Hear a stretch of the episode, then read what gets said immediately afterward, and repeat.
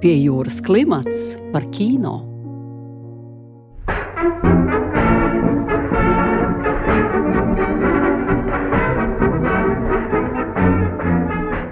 Esiet sveicināti pie jūras klimata klausītāji. Nu, pat kā uz kino ekrāniem Latvijā ir iznākusi Fabians jeb gājiens pie suņiem, vācu režisora Dominika Grāfa filma no Berlīnas kinofestivāla konkursa, kas negaidīti ieguvusi precīza laikmeta komentāra dimensiju. Tā veidota pēc pasaules slavenā bērnu grāmatu autora Ērika Kestnera vienīgā romāna pieaugušajiem Fabians jeb kāda morālista stāsts motīviem. Filmas darbība norisinās Veimāras republikā 1931. gada vasarā, laikā, kad Berlīna griežas nakts dzīves virpulī kā īrēbusi bordeļa madāma, kamēr uz ielām sāk pavīdēt Nacionālsociālistu partijas aģitācijas plakāti. Jaunā Jākoba Fabiana dienas rit cigarešu firmas reklāmas nodaļā, bet naktis skaļās revijās un smacīgos buduāros. Viņa dzīvē spoža saule mīs ar tumšiem mākoņiem, laimes un mīlestības mirkļi ar pagātnes traumu uzplaiksnījumiem un tumšām nākotnes nojausmām. Kādā vakarā viņš aiz bāra letes ierauga apburošo Kornēliju, un šī liktenīgā sastapšanās Fabianam uz mirkli rada sapni par skaistāku un cēlāku eksistenci.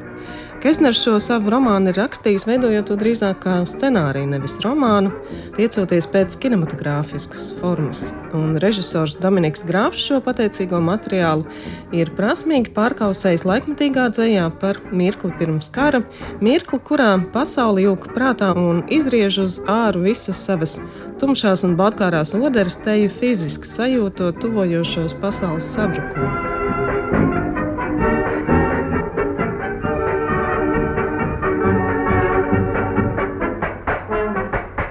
Šodien uz sarunu par Eriku Kestneru, Dominiku Grāfu, Jakubu Fabianu par romāna un filmas, kā arī 1931. un 2022. gada noskaņu sabiedrībā satikšanās punktiem aicināju Žaņa Lipkas memoriāla muzeja direktoru Lolitu Thompsoni, Rīgas IFF izplatīšanas departamenta vadītāju Pālu Bērziņu un vēsturnieku Gustavu Strēngu. 1931. gadā tiek izdots Erika Kesnera romāns, vienīgais romāns pieaugušajiem, Fabians, jeb kāda morālists stāsts, un jau pāris gadus vēlāk šī grāmata tiek mesta sārtā. Kas Kesnera romānā nokaitināja vācu studentus, kuri atbalstīja Hitleru un viņa propagandētās nacionāla sociālismu idejas? Man laikam jāuzņemās ir vēsturnieka loma, lai gan tas galīgi nav mans kompetences laiks. Manuprāt, gan eh, romāns, arī filma daļēji atbild uz šo jautājumu, kādēļ cilvēku laika biedri, kuri atbalstīja Adolfu Hitleru un nacistu partiju, ienīda šo grāmatu tādēļ, ka viņi parādīja pilnīgi citu Vāciju, citu sabiedrību, sabiedrību, kurā valda brīvība, hauss un nacionāla sociālisms kā ideoloģija centās savā izpratnē ieviest noteiktu kārtību un sekošanu normām, partijas disciplīnai, pēc tam arī rasu likumi, ka visam ir jābūt noteiktam, sakārtotam. Kesners šajā romānā parāda to, ka nekas nav noteikts un nekas nav sakārtots. Man liekas, ka tā ir īstenībā atslēga uz autoritārismu un arī totalitārismu, proti šīs autoritārās, totalitārās ideoloģijas, visas, gan arī kreisās, gan labējās, cenšas viņu izpratnē ieviest kārtību un izskaust to, kas neatbilst noteiktām, pēc viņu domām, svarīgām normām un vērtībām. Un šis romāns noteikti neatbild tam, jo viņš kaut kādā ziņā bija ļoti dekadentisks gan romānā, gan filmā mēs redzam gan seksuālās minoritātes, gan to nākdzīves brīvību, gan cik viņš ironiski izsmēja arī visus šos nacionālsociālistu, visu Hitlera jūgendu. Es domāju, protams, ka viņi to grāmatu varēja tikai dedzināt. Jo turklāt vēl ir Kesners pats pārdzīvojis un karojis Pirmā pasaules karā. Viņš ir pacifists. Nu, kā varēja Naciskai Vācijai darīt tādu grāmatu? Skaisti tikai ugunī. Jā, Fabians filmā Berlīnē velta šādus vārdus: austrumos noziedzība, centrā blēdība, ziemeļos posts un netiklība rietumos, sabrukums rēgojas visās debesu pusēs. Kas tobrīd jā, notiek šajā Eiropas metropolē 30. gadu pašā sākumā, kas veido tās galvenās idejiskās un likumiskās varbūt līnijas sabiedrībā. Nu, cik viņu interesē šīs likumiskās līnijas? Viņš to varbūt netikumiskās ir, līnijas. Netikumiskās līnijas. Nu, viņš pats ir rakstnieks, viņš arī apraksta to, ko viņš ir redzējis. Ne jau viņš ir intervējis cilvēkus kaut kādos varietē šovos. Viņš raksta par to Berlīnu, ko viņš piedzīvo. Es domāju, ka ekonomiskais sabrukums un krīze. Tas nozīmē, ka arī cilvēki pelna naudu, kā viņi var ar viltu un to, kas varētu šķist arī izvērtība. Filmā mēs arī redzam, ka tur ir tas mākslinieckais elements visā tajā ārprātā. Man tas mazliet sasaucās ar uh, Dāvis Īmeņa filmu, kur tā opija balīta uh, ar filmā gads pirms kara arī teica, šīs ir tādas uzstājas dzēnieki un dejotājas. Arī savā ziņā kaut kāds aizmiršanās ārprāts. Tieši tas parāda, ka patiesībā jau tajā Berlīnē pastāvēja viss. Tur taču pastāvēja arī gan birģeri, kam bija siltās pusdienas un kam bija no noteikti darbs no rīta līdz pieciem, un viņi gāja mājās. Vienkārši Kestners izvēlās parādīt to citu Berlīnu, to apjukušo pēc Pirmā pasaules kara, kas tagad dzīvo vienai dienai, jo nekādas nākotnes var arī nebūt kas izrādās, ka viņiem bija sāziņā taisnība. Sākotnējais romāna nosaukums, ko noraidīja izdevēja, sasaucas ar filmas nosaukumu Gājiens pie suņiem, ko Kestners pats esot komentējis. Jau uz grāmatas vāka jābūt skaidri redzamam, ka romānam ir konkrēts mērķis brīdināt Brīdināt par ko? Vai Kestnera pesimistiskais tā laika sabiedrības redzējums bija pravietisks, jeb drīzāk realistisks, tas, ko viņš redzēja kā nenovēršamu? Man liekas, ka Gustavs varētu vēl vairāk komentēt par to izteicienu. Tas jau nav gājiens pie suņiem, tas ir tas izteiciens, ka viss iet uz zeli, uz postu. Angliski arī ir tāds pats teiciens, vienkārši mums latviski nav. Viņš jau brīdina ar nosaukumu, ka tas ir, kur tas viss beidzās, tas ir tas, kur viss aiziet postā. Es domāju, gan tas varonis, kas tomēr mēģina atrast skaidrību, mīlestību, uzticību, arī visā tajā diezgan ārprāta pasaulē, draudzību. Viņam ir patiesa draugs, ko viņš ļoti mīl.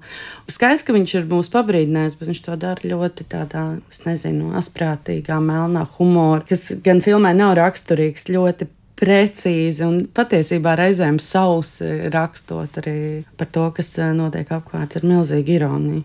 Man šķiet, šo filmu ir jāskatās tieši tagad, kara laikā, jo šī filma ir par eh, sabiedrību, kura no brīvas sabiedrības kļūst par nebrīvu sabiedrību, un mēs redzam tos mehānismus, kas tajā brīdī darbojās. Un tas ir tas pats, kas ir pēdējos 20 gadus noticis Krievijā, kur ļoti daudzi cilvēki, sākotnēji cienījami, talantīgi, gan sabiedriskie darbinieki, gan mākslinieki, aktieri, režisori sadarbojās ar Putina režīmu, jo viņiem šķita, ka nu, ir iespēja atrast kaut kādu nišu ir iespēja varbūt darboties tā, lai pašam būtu labi un arī sabiedrībai labi, un beigās mēs redzam, ka nē, tas rezultāts ir viens un tas pats, un skaidrs, ka šis Kesnera vēstījums arī, viņš savā ziņā bija bezkompromisa vēstījums, tomēr lielākā daļa vācu sabiedrību šo nedzirdēja, un skatoties filmu, man ienāca prātā šī doma par to, ka kurā brīdī bēgt no šādas sabiedrības, jo arī pirms pašas nacistu nākšanas pie varas Vācijā 1933. gadā, un arī īsi pēc tam ļoti daudzi intelektuāļi, mākslinieki, arī um, sabiedrības viduslāņu pārstāvi pameta Vāciju, tāpēc, ka viņi saprata, ka nu, viņi nevar šādā sabiedrībā dzīvot, bet daudz arī palika un iespējams nokavēja šo iespēju aizmukt, un arī vai nu gāja bojā koncentrācijas nometnēs vai Vācu pilsētu bombardēšanu laikā. Un tas ir tas jautājums, kurā brīdī izstāties, kurā brīdī mukt, vai tajā brīdī, kad tu redzi, ka jau parādās noteiktas tendences, un tu vari nojaust, kur tas vedīs, vai gaidīt, un tad ir iespēja, ka jau ir pa vēlu. Tu vairs nevari izstāties. Bet filma ir par 31. gadu. Viņa vecāki dzīvo Dresdenē, kas ir tāda kārtīga, jauka pilsētiņa, kurā vecāki strīdās, kādas puķītes stādīt un kādas nē. Viņi jūt arī to ekonomisko krīzi, bet viņi tomēr vēl tā pasauli turās kopā.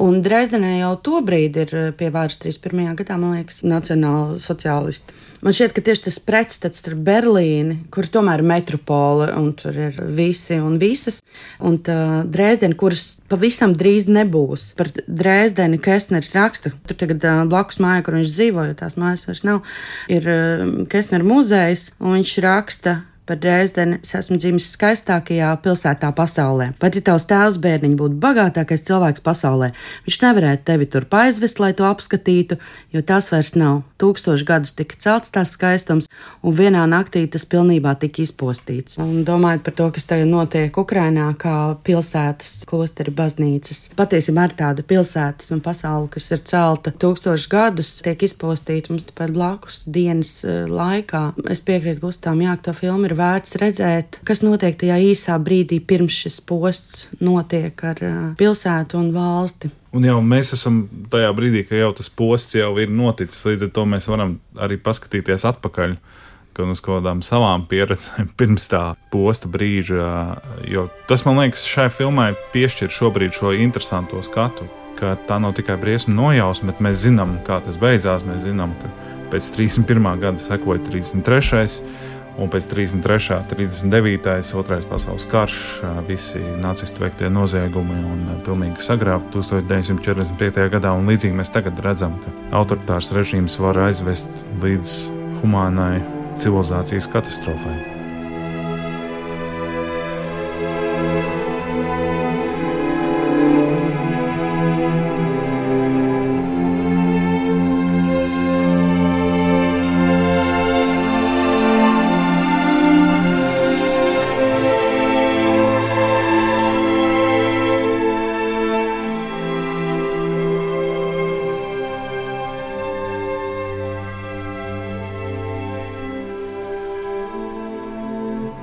Fabians nav klasisks siržlauzējs, kādu mēs varētu kino iedomāties. Viņam ir sapņotāja daba, paļāvīgs raksturs un, acīm redzot, posttraumatiskā stresa sindroms pēc piedzīvotā Pirmajā pasaules karā.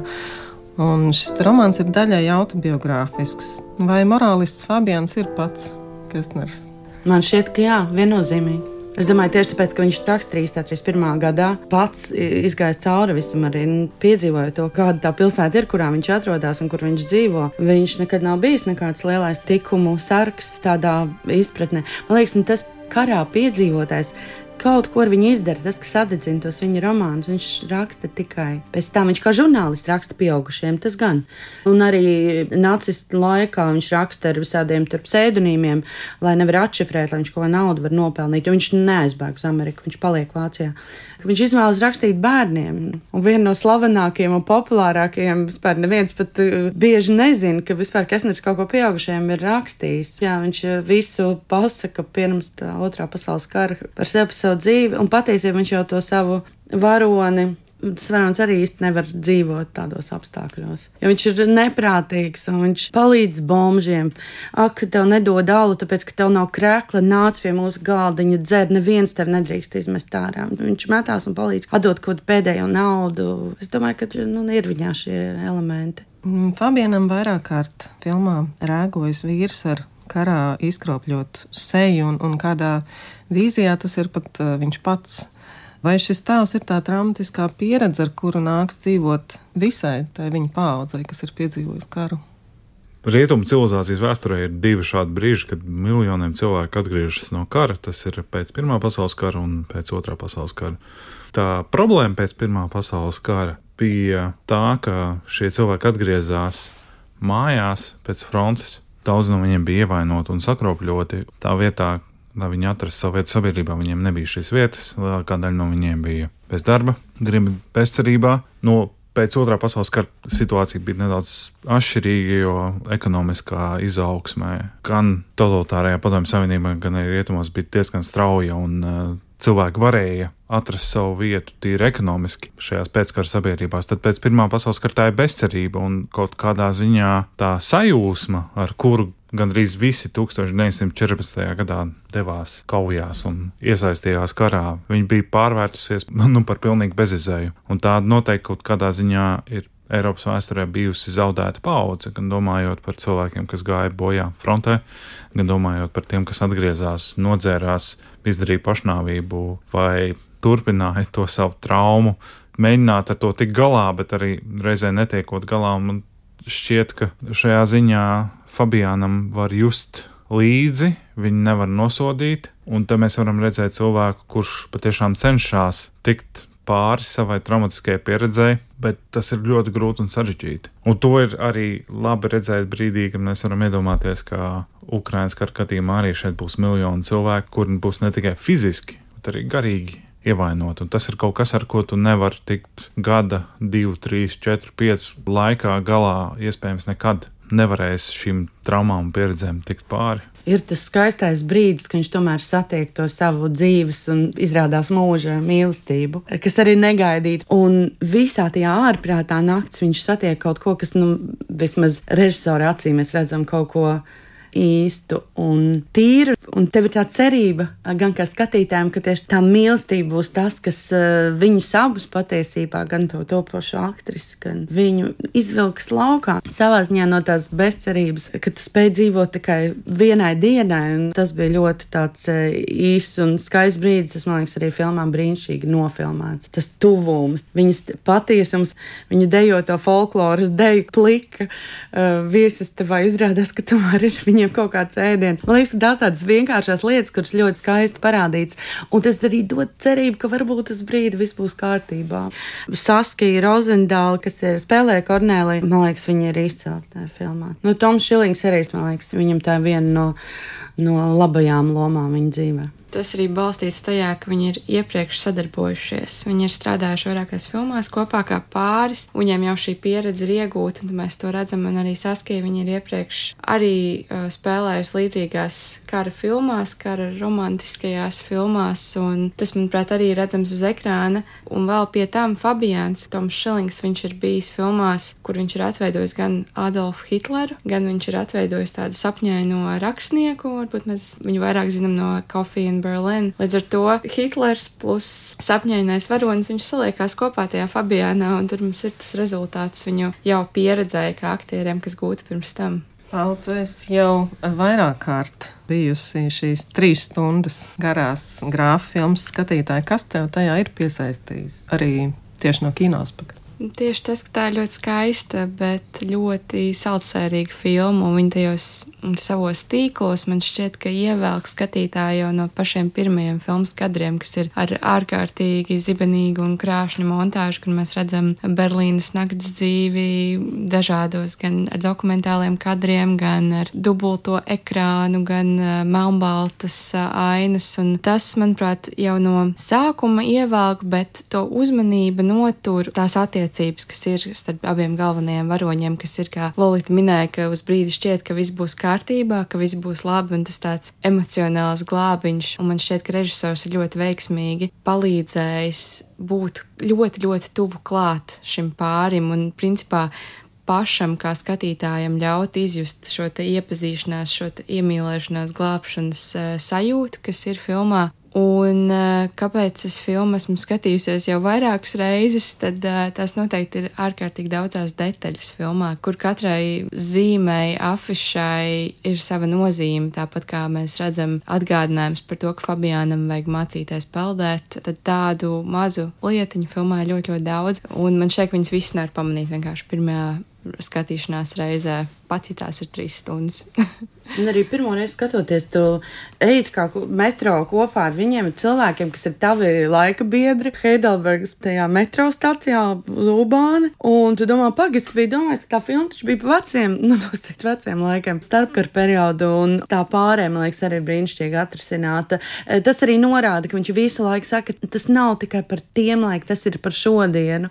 Ne tikai tā metro, bet arī, ka viņi iet no kaut kurienes ārā visām tām bārdāmām un visu viņi iet pār tiem štalpiem. Stolpersteina piemiņas plāksnēm, kas ir izsūtītiem iznīcinātajiem ebrejiem. Un normālā filmēšanā tas viss būtu noblūrots, vai viņi nefilmētu tieši tur, kur var redzēt. Un tie, kas zina, tas saprot, viņi iet pāri tam, kas pavisam drīz notiks. Un pēc 33. gada uzreiz sākās šī cilvēku šķirošana. Filmas ievadā šo nobraucienu lejā metro stacijā pavada teksts. Ir vilciens viens, kas visus mūs ved un cauri laikiem tas iet. Nu, tā acīm redzam, ir grāfa jaunievedums šis ceļojums laikā, jo droši vien, ka romānā nekā tāda nevarēja būt. Teksts, kas iet pāri, tas ir joprojām Kesnera, bet tieši tas manevrs, kā tas tiek parādīts ar to slīdēšanu pazemē, viens ir tā saiknes starp mūsdienām un vēsturi, bet otrs ir, kā skatītājiem mums parāda, ka mēs slīdam un arī visa filma tālāk virzīsies Vācijas vienā no tādiem tumšākajiem vēstures posmiem. Viņš nemaz nav spējīgs izdarīt kaut ko tādu, Kestners, lai mēs nolikt to grāmatu. Nu, varbūt ar, ar kaut kādām šausmām, kas tagad tuvojās un nāk, bet tā viņa ironija un sarkasms, tas pēdējais teikums gan filmā, un tur atšķirās tās beigas no grāmatas, no filmē. Tas ironiskais teikums ir tieši tāds, nu, savā ziņā ka tev patiesībā ir jāpalīdz pašam sev. Tev ir jāspēj varbūt palīdzēt pašam sev, bet tas nevienmēr izdodas. Un man nebija sajūta, ka viss, viss beigtos slikti. Tieši tāpēc, ka dzīve turpinās, dzīvība turpinās. Patiesībā pēc kara, pēc vis tā posta arī dzīve turpinās. Un tā mīlestība nekad nebeidzas, būsim godīgi. Tā sajūta, kas ir pēdējos filmas kadros, viņa dod kaut kādu cerību. Jā, man šķiet, ka tās beigas ir, ir nedaudz skumjas, bet arī reizē ideāliskas.